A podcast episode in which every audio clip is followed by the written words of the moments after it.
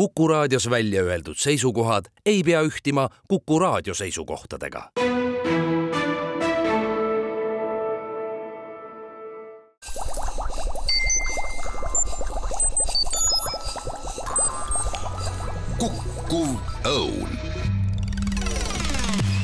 Head Kuku kuulajad, Kuku Õun eetris. täna võtan käsitlemise alla selle aasta vaieldamatult ühe huvitavama tehnilise ettevõtmise, milleks oli siis Eestis täiesti vaba tahte alusel sadade inimeste poolt ühistööna valminud päikeseauto projekt. Solarride oli selle nimi ja see osales ka Austraalias võidusõidul, mis läbi Austraalia põhjast lõunasse kolm tuhat kilomeetrit ette võttis ja oli seal väga edukas. Neist asjust me oleme rääkima kutsunud täna siia Kuku stuudiosse Tallinnas Martin-Erik Kermese, kes oli selle projekti peainsener või, äh. või mis su amet oli? Täpne amet oli inseneeria valdkonnajuht. inseneeria valdkonnajuht, õigus, peainsener oli üks teine inimene, aga sellele vaatamata, et kui nüüd äh, küsida, et äh, kui palju siis tuli selle aasta jooksul või pikalt te seda ette valmistasite, küüsi närida ja millal siis, äh, millal siis nii-öelda see noh, kuidas nüüd öelda, ju hea tulemus võidu mõttes mitte, aga ikkagi koht vist kolmas. kolmanda koha saime kolmas tõesti. koht üleilmsel võistlemisel, kus oli ühtekokku kui palju osalejaid? meie võistlusklassis oli kümme. ja kokku üldse? kokku oli kolmkümmend kaheksa tiimi üle maailma. ja, ja ma kujutan ette, et kõik need tiimid olid ju enam-vähem ka ikkagi mõnesaja inimeselised või üsna suured, kus siis entusiastlikult valmistati ette siis tõepoolest päikesejõul sõita suutvat autot? jah, äh, see natukene erineb, ma tean, et paljud äh, Hollandi ja, ja Saksamaa ja Belgia tiimid on pigem niisugused väiksed, nad hoiavad, hoiavadki seal umbes kahekümne ringis nii-öelda kogu tiimi suurust ja, ja eks meiega võistlusel Austraalias oli ka kahekümne nelja pealine tiim ainult, et kõike, kõike sadat kaasa ei saanud võtta.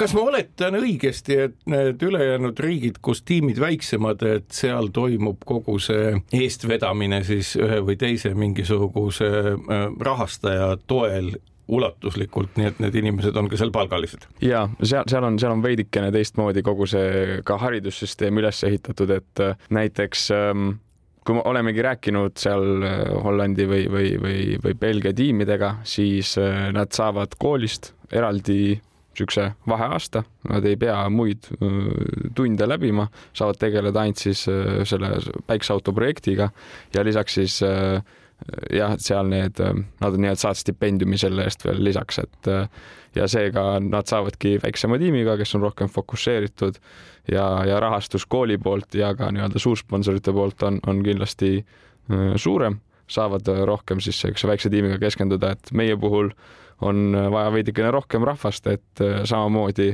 ikkagi leida need toetajad ja, ja, ja, ja samal ajal siis see auto ka ikkagi valmis ehitada. see auto, mida ma ka ise näinud olen, on ju tehnoloogiliselt üsna detailide rohke ja edumeelne ja innovatsiooni pungil täis.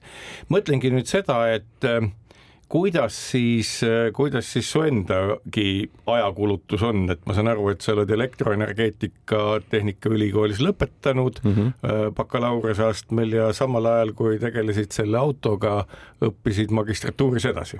põhimõtteliselt küll jah, et hetkel olen magistratuuris äh, samuti Tallinna Tehnikaülikoolis roheliste energiatehnoloogiate erialal ja eks see ajakulu, noh, minu puhul oli see ikkagi täistöökoht ja, ja natukene peale.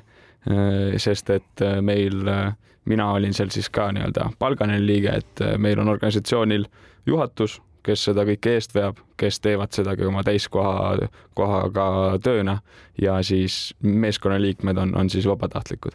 nüüd, kui sa ütled, et roheliste tehnoloogiate vallas, et äh, on sul magistratuur, et kui palju sa tunned, et sa võiksid teisi õpetada, sellepärast et mis saab olla rohelisem veel, kui sõita päikesejõuga kolm tuhat kilomeetrit maha ja tulla teiste konkurentidega võrreldes veel kolmandale kohale.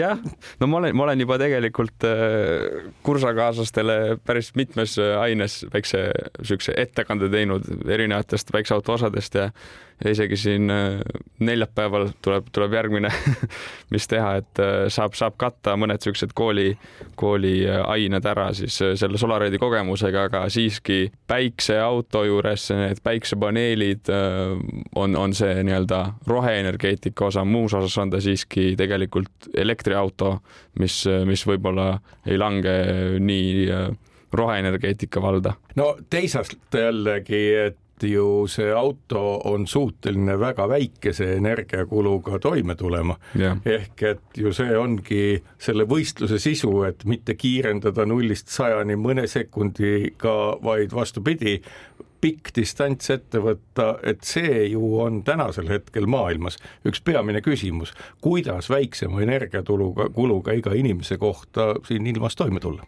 ja tõesti, et äh, need autod noh meie, meie autol olid äh, viie, viis kilovatti võimsust mootorite poolt, et see, noh, see ei ole väga-väga midagi võrreldes mingi elektriautoga, kus on näiteks sada kümme ja, ja rohkem kilovatti. Äh, ja, ja mis võib-olla siis teebki need päikseautod efektiivseks ja, ja kuhu tegelikult ülejäänud sõiduautod võiks ka liikuda. ühelt poolt ongi see nende sõidukite aerodünaamika, et äh, nende õhutakistuskoefitsient on ikkagi palju madalam kui, kui tänavate tavasõidukitel ja tegelikult see õhutakistus kasvab nii-öelda kiiruse ruuduga ehk siis äh, see mängib just äh, suurtel kiirustel väga suurt rolli, et, et kui äh, aerodünaamiline auto on, kui palju energiat kulutab. Ja, ja teiseks siis see meie nii-öelda nendel päikseautodel on eraldi Bridgestone'i poolt välja arendatud rehvid, mis on just väga madala veeretakistusega. Ja, ja tegelikult eks see Bridgestone'i enda huvi, miks ta üldsegi neid nii-öelda pakub nendele tiimidele ja on ka võistluse peatoetaja, ongi just see, et, et selle abil saada natukene informatsiooni, kuidas need rehvid vastu peavad, kuidas neid saaks parandada ja nii edasi, et siis tegelikult kunagi nii-öelda tavasõidukitele ka siuksed madala veeretakistusega rehve pakkuda? no esimene asi, mis silma torkab kõikide nende autode puhul on see, et need äh, rehvid on uskumatult kitsad. Ehk et nagu nende idee on siis püüda tagasi tuua autondusse see, mis algaastatelgi oli, kus äh, kõik need Fordi ja muud algusaastate mudelid olid uskumatult kitsaste rataste ja rehvidega, ehk et see kogemus, mis ju saadi kunagi ammu, kui veojõuks oli hobune. Ehk et äh, suur ratas, kitsas äh, kokkupuutepind maaga ja siis hobune jaksas vedada, siin on sama lugu. just täpselt ja ju esimesed autod olid ka tegelikult äh, elektrisõidukid, et tundub, et ajalugu, ajalugu kordab ennast taas. Ja, mida sa ise ennustad, et millal me võiksime siis näha nii-öelda sellist, sellist ütleme, tavatumat tänases mõttes automudelit, sellepärast et üks ma ei tea, võib-olla on neid veel, aga Eindhoveni ülikoolist Hollandist pärit seltskond ongi ühe tänavakõlbliku auto ju tänaseks hetkeks ka valmis teinud just nimelt päikesetoitel ja seda eesmärki silmas pidades, sa oled ilmselt seda ka lähemalt näinud. kas äh, sellel autol on ka kitsad rehvid? minu meelest oli pildi peal. ja ma, ma seda ise ei ole lähedalt näinud, aga, aga selle noh, selle ettevõtte nimi on jah, mis see oli, Lightyear äh, ja, ja sellel on üks sihuke väike nüanss, nimelt nad küll ehitasid minu meelest üheksa prototüüpi sellest esimesest nii-öelda tänavakõlbulikust päikseautost valmis, aga nad ei suutnud seda hakata masstootma ja nüüd nad koguvad rahastust, et arendada järgmist, mis nad siis tahavad et oleks niisuguse madalama, madalama hinnaga, mis saaks rohkem massidesse minna, et see, see tehnoloogia, eks ole, peaaegu on juba kättesaadav. jah, need autod, need Lightyeari omad on ka kitsamate rehvidega ja, ja, ja kere on aerodünaamiline ja, ja, ja katus, katust ja, ja kapotti katavad päiksepaneelid. aga ikkagi mingi takistus on ees, et, et seda nii-öelda, kuidas seda, mis, mis, mis lubaks sellel siis tavaliiklusesse veel tulla. kui sina oled nüüd nii-öelda koos oma kolleegidega kogu seda asja ajanud, mitu korda teil on pähe tulnud mõte, et pagan, peaks ikka mingi auto ise ehitama, sellepärast et see ei ole üldse vähepopulaarne Eestis välja tulla ideega, et, et me tahame ka ühe või teise masina valmis teha ja seda siis turustama hakata noh, jah, vahva oleks, kui ma ütleks, et mitu korda, aga reaalsus on see, et ei ole ühtegi korda sellist mõtet. ei ole? ei ole, sellepärast et noh, me, meil, meie selle projekti eesmärk ei ole olla auto, autoehitaja, et meie eesmärk on, on oma tiimiliikmeid arendada läbi selle arendusprotsessi ja ja, ja need on kaks niisugust veidikene erinevat asja kas siis hakata ise sõidukeid tootma või siis kasutada seda kui nii-öelda õppeplatvormi, et, et saaks Eesti insen-, insenerihaketistele siis kogemust anda. kes oli kõige noorem teie tiimis, kus oli kui palju inimesi? tegelikult vist kuskil umbes seitsmekümne ringis on niisugune täpsem, täpsem see number või arv ja kõige noorem ma nüüd pead ei anna, ta võis olla kuueteist või viieteistaastane, on meil, on meil vist kõige noorem äh, kutt praegu. ehk et me võime öelda, et see on üks ulatuslikumaid inseneeria valdkonna vabatahtlikul ülesehitamisel põhinev haridusprojekt Eestis üldse. no mina julgeks nii öelda küll, jah et äh, kui suur on, ma olen vaadanud, et nende auto peale kleebitud logode hulgas oli mitmeid riigiasutusi ja ameteid, ma saan aru, et riigipoolne tugi sellisele arendustegevusele on vaieldamatult olemas. ja et äh, haridusministeerium ja, ja, ja majandusministeerium äh, toetasid meid ja, ja olidki meie nii-öelda suurimad äh, toetajad. seda, seda on väga vahva näha ja, ja tegelikult äh, nüüd ju äh, eelmisel aastal oli see esimene kord, kui, kui Majandus- ja Kommunikatsiooniministeerium siis selle mm, just selliste inseneeriaalaste nii-öelda või tudengiprojektide toetusi ka välja andsid, kus siis erinevad projektid üle Eesti said, said kandideerida, et, et raha taotleda ja ja vist umbes kümnele projektile sealt äh, raha välja jaotati, et seda on väga-väga tore näha, et riik ka seda toetab.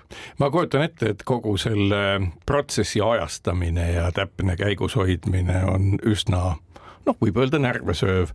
Äh, kas sa ise tundsid või rääkisid su kolleegid, kes kõik seal ka palgal ja vastutasid ju mõnes mõttes naha ja karvadega selle asja edenemise ja valmissaamise eest, läbipõlemistunne oli?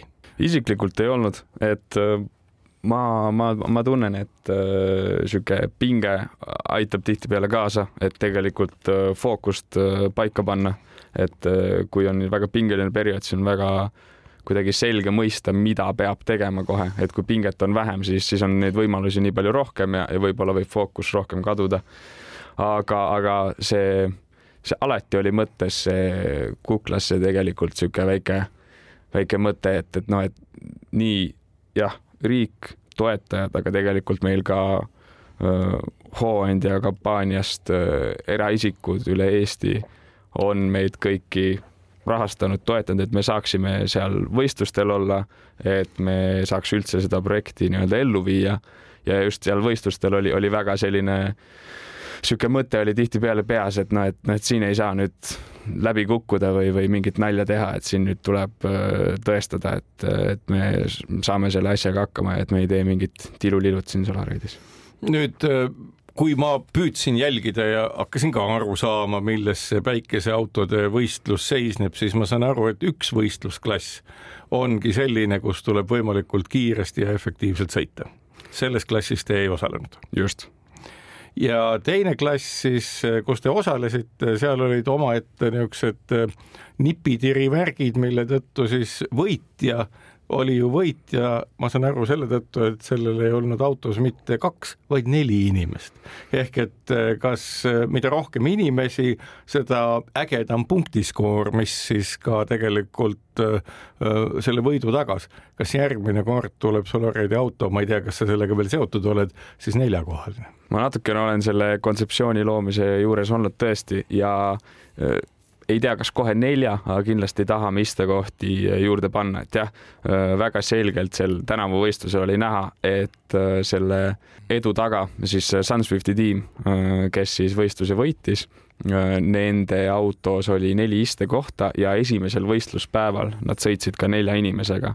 järgnevatel Aha. päevadel nad tegelikult sõitsid kas kahe või siis mõnel juhul isegi ka ühe inimesega, aga nad tegelikult juba esimese võistluspäevaga tegid endale nii suure, seal siis arvestatakse seda person per kilometer ehk siis mitu kilomeetrit mingi inimene autos sõidab, tegid sellise edu sisse, et meie auto, mis oli kahekohaline, Äh, ja, ja see, kes sai teise koha, neil samuti, meil tegelikult oli juba üpriski võimatu äh, järele tõmmata, aga see oli see kompromiss, mis me otsustasime äh, siis kahe tuhande kahekümne teise aasta alguses, kui me selle auto kontseptsiooni paika panime, et teeme ta kahekohalise ja pigem proovime nii-öelda võistluse läbida Äh, mitte siis äh, panna rohkem inimesi sisse ja, ja võib-olla auto ei pea vastu. kas äh, nii-öelda täiesti bussi konstrueerimine, kus on, ütleme, kümme või viisteist kohta, aga ainult üks inimene sõidab, aga esimesel päeval veetakse kõiki, kas see annaks parema tulemuse? no pigem mitte, et, et reeglid panevad meile piirangu, et üle viie inimese ei tohiks seal autos olla ja, ja seal on üks niisugune nüanss, et ähm, näiteks kvalifikatsiooni aegu tuleb sõita niimoodi, et kõik istekohad on äh, autos äh, täidetud, seega kui selle bussiga seda kvalifikatsiooni sõita, no siis seal kuluks ikkagi mitu, mitukümmend minutit, ma arvan, et see ringrada äh, läbida. siinkohal teeme saatesse väikese pausi ja kuulake meid pärast väikest vaheaega edasi.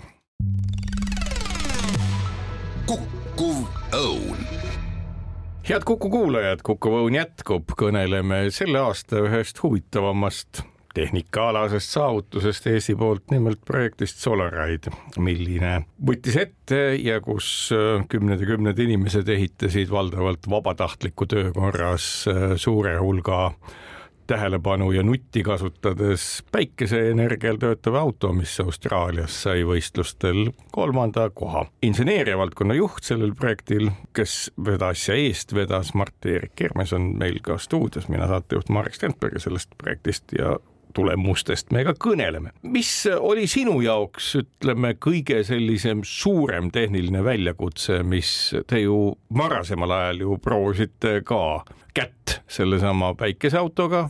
mis oli selle teise Eesti päikeseauto kõige suurem nagu tehniline väljakutse üldse, mida tuli lahendada? jah, esimese päikeseauto ehitasime tõesti kahe tuhande kahekümne esimesel aastal valmis, käisime sellega Marokos võistlemas, kuna Austraalia võistlus jäi koroona tõttu ära ja, ja jumal tänatud, et jäi ära, sellepärast et see esimene auto ei olnud töökindel. mitmenda koha see oleks seal saanud ta ei oleks, ma arvan, isegi mingit kohta saanud.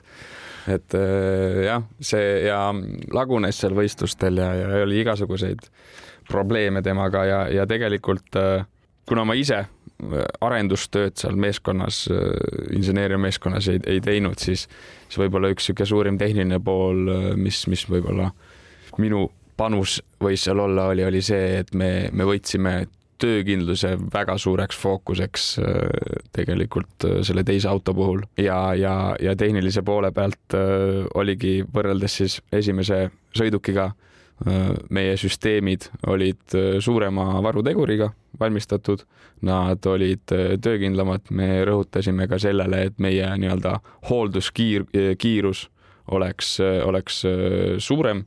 Näiteks, et me saaks lihtsamini ligi vedrustusele äh, rehvivahetust teha näiteks ja nii edasi ja, ja, ja see töökindlus oli see, mis äh, tagas tegelikult selle, et meil Austraalias ei olnud vaja tee ääres autot parandada või, või, või mingeid probleeme lahendada.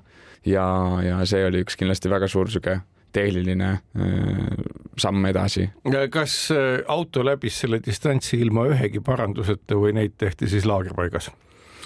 jah, ta läbis selle distantsi ilma ühegi paranduseta, et me tegime iga õhtu siukse hoolduse, kontrollisime kõik poldid, mutrid üle, vahetasime rehvid ära, siis ja, ja, ja tegelikult teel olles meil ei olnud kordagi probleeme noh, mis iganes süsteemiga, et see, see läks tõesti fantastiliselt.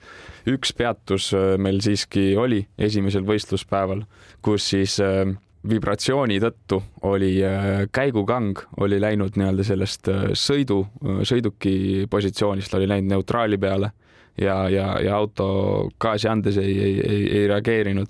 ja siis juht ei, ei osanud ka kohe midagi ette võtta, pidime korraks seisma jääma ja noh, meil elektroonika tiimijuht jooksis äh, akna juurde ja küsis, et oota, pane, pane, pane käigukang uuesti sinna Drive'i peale ja sõitsime edasi, et see läks väga kiiresti, natuke sihuke loll viga, et peatuda. aga, aga muid äh, jah. siis pärast pandi käigukang kummiga kinni kuidagimoodi jah, sai seda natukene tihe, tihendatud seal. nüüd äh, üks asi, millest sa kõnelesid ka Kuku saates äh, enne, kui see äh, Austraaliasse minek oli ja kui auto oli veel valmimisel, oli asjaolu, et teil oli mõte ja ilmselt see ka siis realiseeriti selline nii-öelda nutikas energiakasutusrežiim, mis arvestab tuult ja kõike muud. kuidas see süsteem töötas? selle, see süsteem tegelikult töötas enam-vähem äh, hästi äh, selle mööndusega, et me kõiki seda nii-öelda meie, meie vahvat ideed, et mis, mis iganes infot ta kõik sisse võtab ja, ja seda automaatselt seal kasutab, et anda siis mingit äh, väljundkiirus välja, päris selleni me ei jõudnud. et meil oli tänaval siis võistlusel nõnda, et päikseautost tuli telemeetria kaudu pidevalt äh, siis päikseauto taga sõitvasse saateautosse informatsiooni kõik energiakulu kohta, kui palju päiksepaneelid toodavad, mis on, äh, ma ei tea, temperatuurid kuskil akupakis ja, ja nii edasi. Äh, selle kohta tuli info ja lisaks siis sellesama saateauto katusel oli siis ilmajaam, mis andiski meile siis ka välistemperatuuri, tuulesuunda, kiirust, päiksepaiste intensiivsuse infot. ja siis meil oli need jooksid kõik siis äh, ühte nii-öelda peaarvutisse, kus siis meil jooksis programm, mis tegelikult pakkus meile erinevaid äh, prognoose. et kui me näiteks jätkame sarnastes äh, tingimustes sarnase kiirusega sõitmist, siis mis hetkel meil aku tühjaks saab, kui suur on energiakulu mida ja, ja siis selle järgi me võtsime ise otsuseid vastu, et äh, kas me peaksime kiirust vähendama või, või hoopiski kiirendama, et äh, see selline lõpuks see nii-öelda tark süsteem välja nägi, et ta ei olnud täiesti automatiseeritud, aga, aga paar sammu oli veel puudu. kuulajatele selgituseks, kas see teie klassis, mille nimi oli siis Cruiser klass. Cruiser klass mm, -hmm. esimene, mis oli selline, selline väga sportlik ja askeetlik, oli Challenger. et kas selles Cruiser klassis äh, kogu energia tuli päikeselt või oli õigus ja luba ka autot vahepeal akust, akut laadida? ja, et meie võistlusklassis on, on luba kaks korda selle võistluse jooksul ennast võrgust laadida. see esimene peatus oligi siukses linnakeses nagu Tennant Creek mis on umbes tuhat kilomeetrit siis äh, stardijoonest ja, ja seal oli meil umbes neli tundi aega, et, et akusid laadida, maksimaalne võimsus oli seal seitse kilovatti. akupakk on kui suur? akupakk on meil neljakümne kahe kilovatt-tunnine okay.. aga meil ja tegelikult saime ka teada, et kõikidel teistel meie klassi autodel oli tegelikult päris palju probleeme, et äh, siis selle seitsme kilovatiga üldse laadida, et me, meie pidime laadima vist äh, viie kilovatiga lõpuks, sellepärast et äh, aku temperatuur, kuna välistemperatuur äh, Austraalias oli seal umbes kolmekümne, kolmekümne viie, seal kuskil neljakümne juures, siis tegelikult aku temperatuur oli, oli veel kõrgem. Ja, ja turvalisuse mõttes me ei saa nii, nii suure võimsusega laadida, mistõttu tegelikult äh, me ei saanud äh, seal esimeses laadimispunktis oma akut nii-öelda triiki täis äh, ja, ja, ja seetõttu äh, juhtus ka, ka see, et me pidime ikkagi võistluse neljandal päeval siis nii-öelda võistluse katkestama. ma saan aru, et see juhtus kõigi osalejatega, et see oligi selline Just. tavatu situatsioon, et võistlustingimused diskvalifitseerisid ühtekokku kõik võistlejad. see oli tõesti väga ainulaadne ja huvitav olukord, et äh, sel teisel võistluspäeval siis kõik laadisid oma akut nii täis, kui nad said, ega me täpselt ei tea, kui, kui, kui täis nad need said. ja, ja, ja mindi starti ja, ja võistluse see nii-öelda kolmas ja neljas äh, päev, neljanda päeva õhtul oleks olnud teine võimalus laadida. see, see kolmas ja neljas päev olid kõige suurema nii-öelda tõusuga äh, päevad, ehk siis me teadsime, et energiakulu sellel nii-öelda etapil on kõrgem, aga lisaks sellele oli äh, sellel distantsil väga suur, väga kiire vastutuul, et see läks seal kohati, see oli seal kümnest kuni kahekümne viie meetrini sekundis.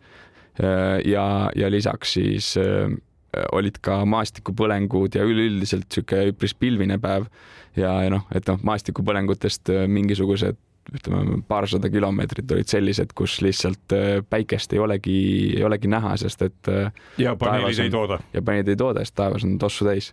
et äh, kõik see mõjutas seda võistlust nõnda, et tõesti võistluse neljandaks päevaks pidid kõik meie võistlusklassi tiim, võistlusklassi autod siis võistluse justkui katkestama. Ja see oli, see oli üks parajalt huvitav sihuke juhtum seal, seal kohapeal Austraalias, sest et loomulikult meeskonnal on tunne kurb, et äh, me ei saanud äh, täiesti lõpuni äh, sõita, energiast ei piisanud ja panime siis oma auto neljanda võistluspäeval treilerisse, et sellega järgmisesse kontrollpunkti sõita. Ja, ja siis teel sinna järgmisesse kontrollpunkti me näeme, et ohoh, et selle Sunswifti, see, kes on liider, et näed, nende auto on ka treileris siin ühes tanklas seisis ja siis nägime, et teise koha auto oli ka ja ja me teadsime, et üks meie, üks meie sõber äh, Ascend äh, tiim Austraaliast, nende auto oli ka ja siis me saimegi aru, et tegelikult juhtuski nüüd nõnda, et kõik panid äh, autod treilerisse ja siis otsustati, et äh, ja laetagu siis, ja jätkatagu. siis tegelikult otsustati, et see nii-öelda hinnataksegi seda esimest distantsi, palju oli energiakulu, kui palju inimesi transporditi siis alates stardist Darwinist kuni Tennant Creeki, siis meie meeskonnana otsustasime, et me sõidame, laeme endal sealt, see oli siis Cooper Pedi linnas, laeme aku täis ja võistleme nii edasi, nagu midagi ei oleks juhtunud. võtsime kõikidest kontrollpeatustest osa, tegime kõike nii nagu päris, sõitsime üle finišijoone. keegi veel tegi samamoodi? paar tükki tegid, aga näiteks see Sunswift, see liider, tema ei teinud tema pani kohe auto treilerisse ja hakkas sõitma, et kuna seal äh, neljandal võistluspäeval tegelikult need äh, tugevad tuuled äh, ei, ei peatunud ja, ja see muudab väga aerodünaamilised autod ebastabiilseks maanteel. meie auto oli nõnda hea aerodünaamikaga, et tegelikult meid see ei mõjutanud, auto püsis väga hästi teel ja seega me otsustasimegi, et jätkame ikkagi sõitu kui palju siis nii küsides kõikide nende oludele tuginedes siis energiadefitsiit oli, mida tuli võrgust juurde võtta äh, versus see, mida siis nagu taevast pakuti? ikkagi äh, võrgust me laadisime vist umbes äh, kahekümne kilovatt-tunni jagu energiat. kogu selle sõidu peale kokku?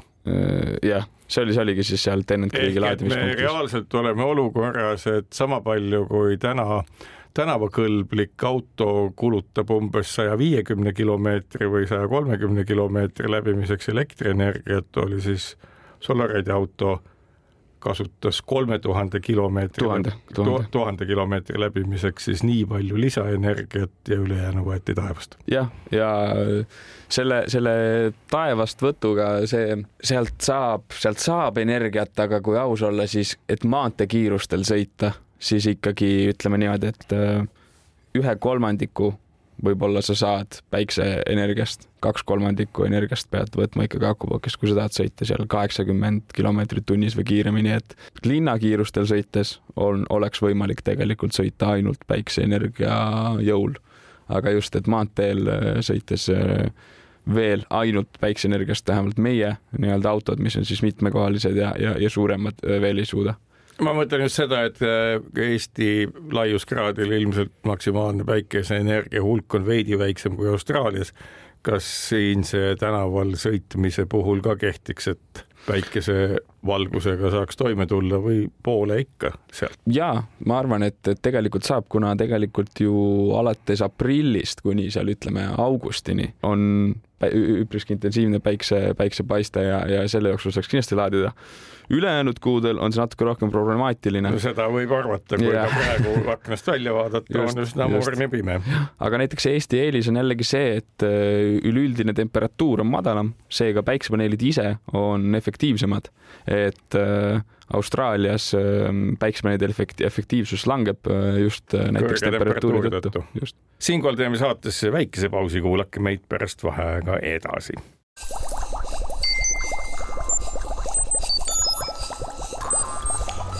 Kukkuv õun head kuulajad, Kuku Õun jätkub, räägime Mart-Erik Kermesega, kes oli inseneeria suunajuht äh, sellise auto nagu Solaride valmimisel, mis Austraalias päikeseautode võidusõidul oktoobrist kahekümne teisest kuni kahekümne üheksandani saavutas kolmanda koha huvitavatel tingimustel, millest me just rääkisime. Mart-Erik on ka stuudios, mina saatejuht Marek Strandberg ja küsin edasi, et äh, kui palju üldse maailmas selliseid äh, ütleme, imevõistlusi on, kus mingite väga säästlike autodega või elektriautodega midagi tehakse, noh, tudengivormelit me oleme kuulnud, eks, elektrilist. Mm. teisi selliseid elektriautode võidusõite ei korraldata. Liiga palju ei, ei, ei tea küll jah, ma tean, et äh, siukseid päikseautode võistlusi on tegelikult maailmas veel. Umbes ütleme kahe käe näppudel saab, saab neid kokku lugeda, aga nad on ikkagi üpriski madala osalusega ja, ja see Austraalia võistlus on nendest kindlasti suurim. teine, teine sihuke huvitav ja üpriski populaarne võistlus toimub Belgias ja see on ka päikseautode võistlus ja see on sellise kahekümne nelja tunni Le Mansi formaadis, kus siis autod sõidavadki kakskümmend neli tundi ühel ringrajal ja nad ise saavad valida oma strateegia, millal nad sõidavad, millal mitte, kas, kas päeval seista, laadida või siis just sõita ja, või siis öösiti sõita, et see on, see on niisugune teine väga huvitav viis ja, ja kuhu me mõtleme, et võib-olla ka Aha. kunagi osaleda, jah.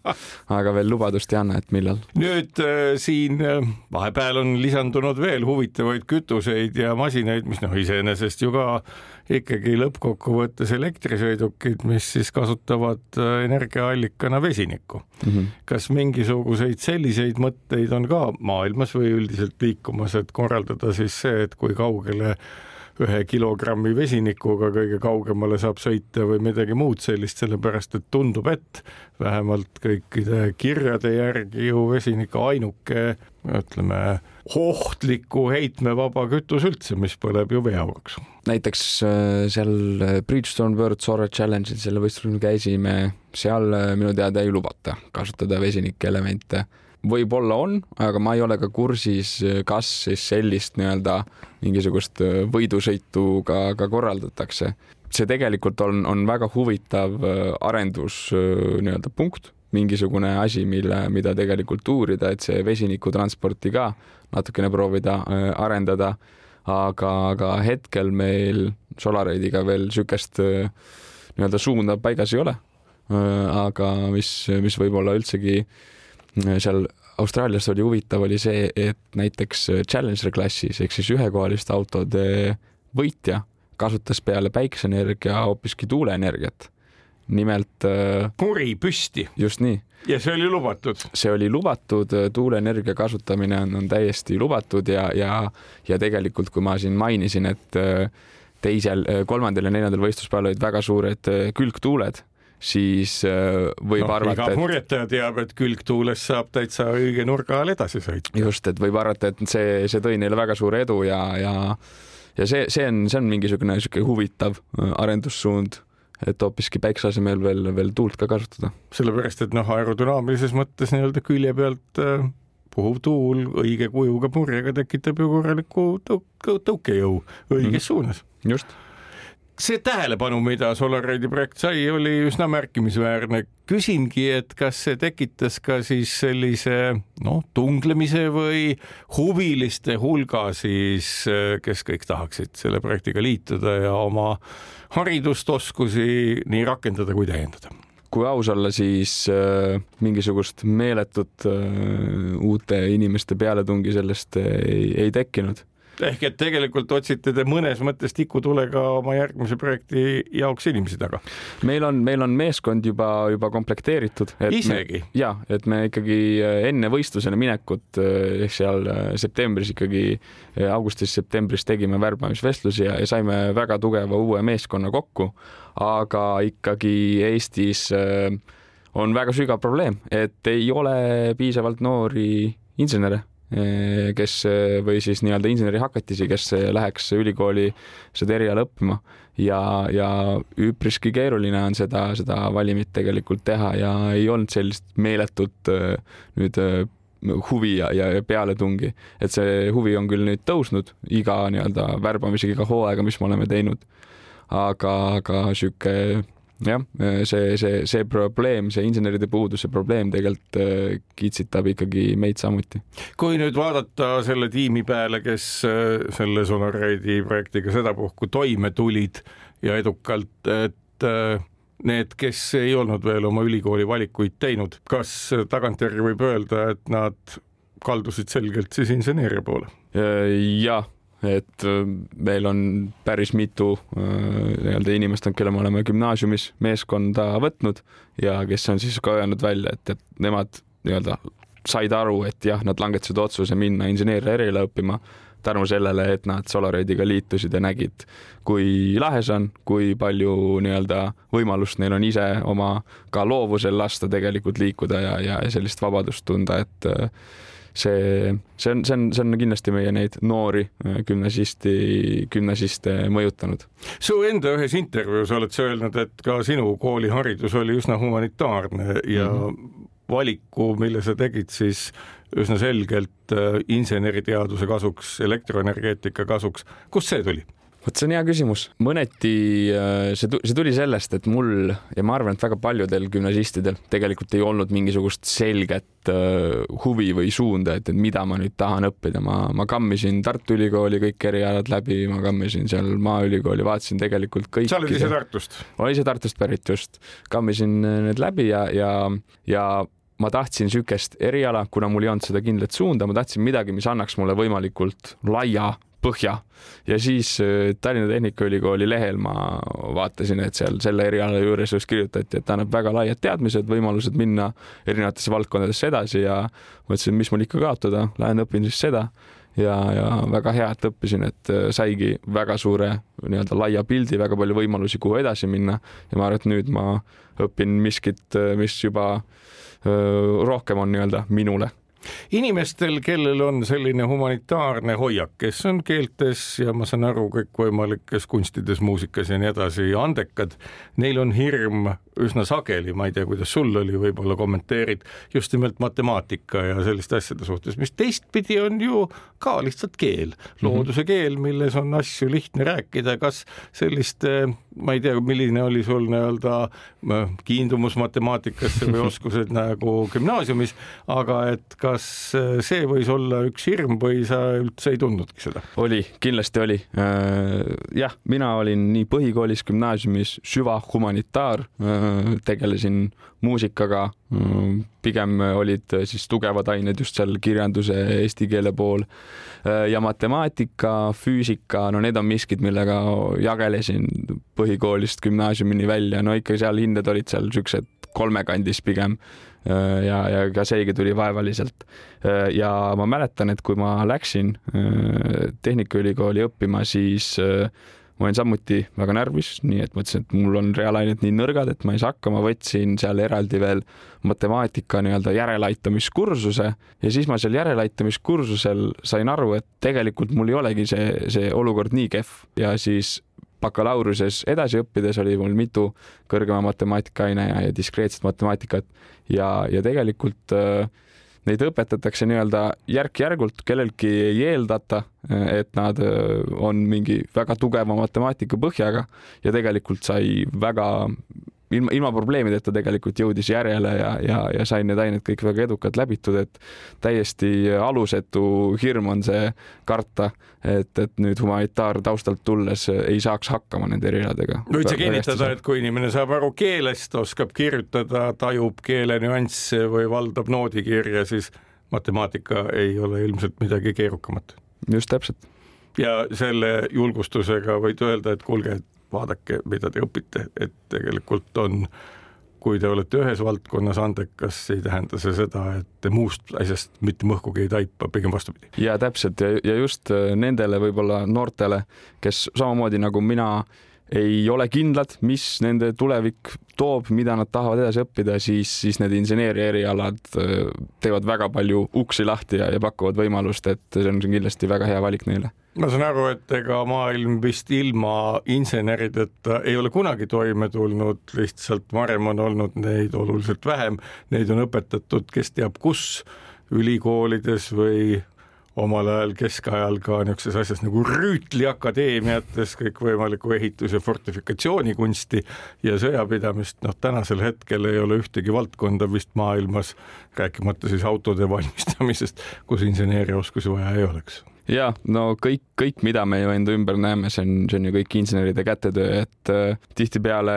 rohkem akadeemilises maastikus tehakse teadustööd, kus arendatakse mingisuguseid materjale, uusi materjale, tehnoloogiaid, aga tegelikult insenerid on need, kes leiavad neile äh, lahendused, leiavad neile nii-öelda kasutuse ja, ja, ja see on see, mis meid tegelikult ühiskonnana ka edasi viib, seega see on, see on tohutult tähtis äh, eriala ja, ja amet kui nüüd hüpata tagasi sinnasama Austraalia rallisõidu juurde, siis äh, ma kujutan ette, et see ilmselt kulges äh, Austraaliat ette kujutades, kus enamus inimesi elabki ju rannikul, neid on seal üsna vähe selle suure nii-öelda äh, mandri peal, et ega vist erinevatest asulatest läbi sõites ei olnud vist nii, et huvilised tee ääres ja skandeerivad loosungeid või oli selline vaikne toimimine või kuidas see välja nägi? No kui me, kui me sõitsime Darwinist välja, see ei ole eriti suur äh, linn Austraalia mõttes, siis ähm, seal oli, oli väga vahva näha, kuidas linnast välja sõitsa oli mingi esimesed, ütleme viiskümmend kilomeetrit tegelikult ikkagi tee ääres oli rahvast täis seal Assa. ja inimesed lehvitasid, vaatasid, see oli väga vahva. aga ikkagi jah, sõites sinna, sinna põhja poole sealt kõrbest läbi, siis seal on väiksed linnakesed, äh, kus äh, elavad seal mõned tuhanded inimesed ja, ja eks seal ka mõned huvilised vaatasid, aga üldjoontes on see ikkagi täielik sihuke tühermaa ja tühjus ja seal, seal mingeid fänne ei olnud, et siis olid ainult oma, oma meeskonnaga üksi. milline oli kõige no kummalisem kokkupuude Austraalia loodusega, maastikupõlengutest sa ju rääkisid, mis veel? See, see, see looduse pool oli, oli sihuke huvitav, et me, me hullult kartsime seda loomulikult, et seal on maod ja ämblikud ja me. mis vastab iseenesest tõele. ise, loomulikult vastab tõele, aga huvitav on see, et meie neist, me mitte ühtegi ei näinud, et äh, me isegi võistluse lõpupoole hakkasime neid äh, meelega otsima, et, et äh, kasvõi saaks korra nüüd näha mingisugust madu siin looduses ja äh, ühe, ühe lõpuks üks poiss leidis ka, päris mürgise tuli välja pärast pildi pealt.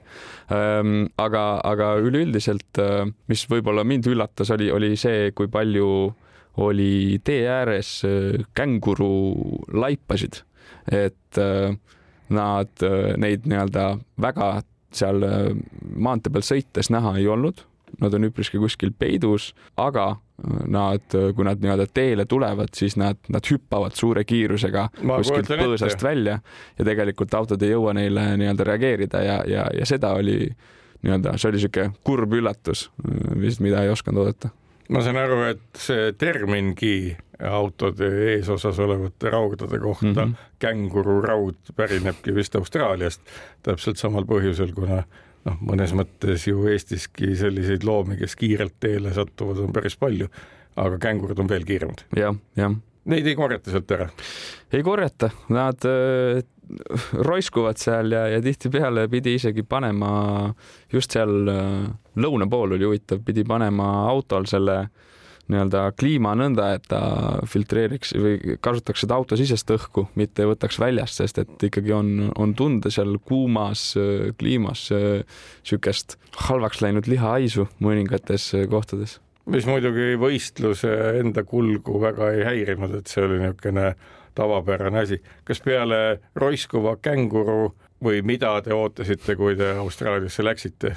looduse poole pealt äh, tegelikult äh, mida, mida me või mis ka üllatas, oli, oli, olid samuti need, need tuuled ja need tuulekiirused ja tegelikult siuksed väikesed, väiksed tornaadod, siuksed tillukesed, mis tee äärest need tuulekiirused tõmbasid ennast ülesse ja ja, ja vahetevahel, kui me olime nende ühekohaliste autode taga, sõitsime, siis äh, oli isegi näha, kuidas see, see väike tornaado äh, võt-, see päikseauto sattus sinna, sinna keskele ja ta ikkagi pidi päris palju see juht seal äh, rooliga tööd tegema, et seda autot stabiilselt hoida tee peal. Aga... ehk Austraalia on täitsa õige koht, kus sellist võistlust korraldada jah, sellepärast et noh, selle kohta öeldakse, et see on maailma üks keerulisemaid võidusõite ja, ja, ja tegelikult äh, nii ka on, et need olud seal, see loodus, see on päris, paneb, paneb ikkagi tehnika piiri peale. Pariis-Dakari ralli on nohu ma sellist, sellist äh, järeldust ei julge teha, aga ma arvan, et need on äh, mõlemad ikka üpris keerulised võidusõidud tõesti. aitäh, Mart-Erik Kermas tulemast Kuku Õuna saatesse kõnelema Solar Ride'i sellel aastal toimunud võidusõidust, kus kolmandaks tuldi. sellega on Kuku Õuna saade läbi. kuulake meid jälle täpselt nädala pärast ja kaunist päeva teile. õun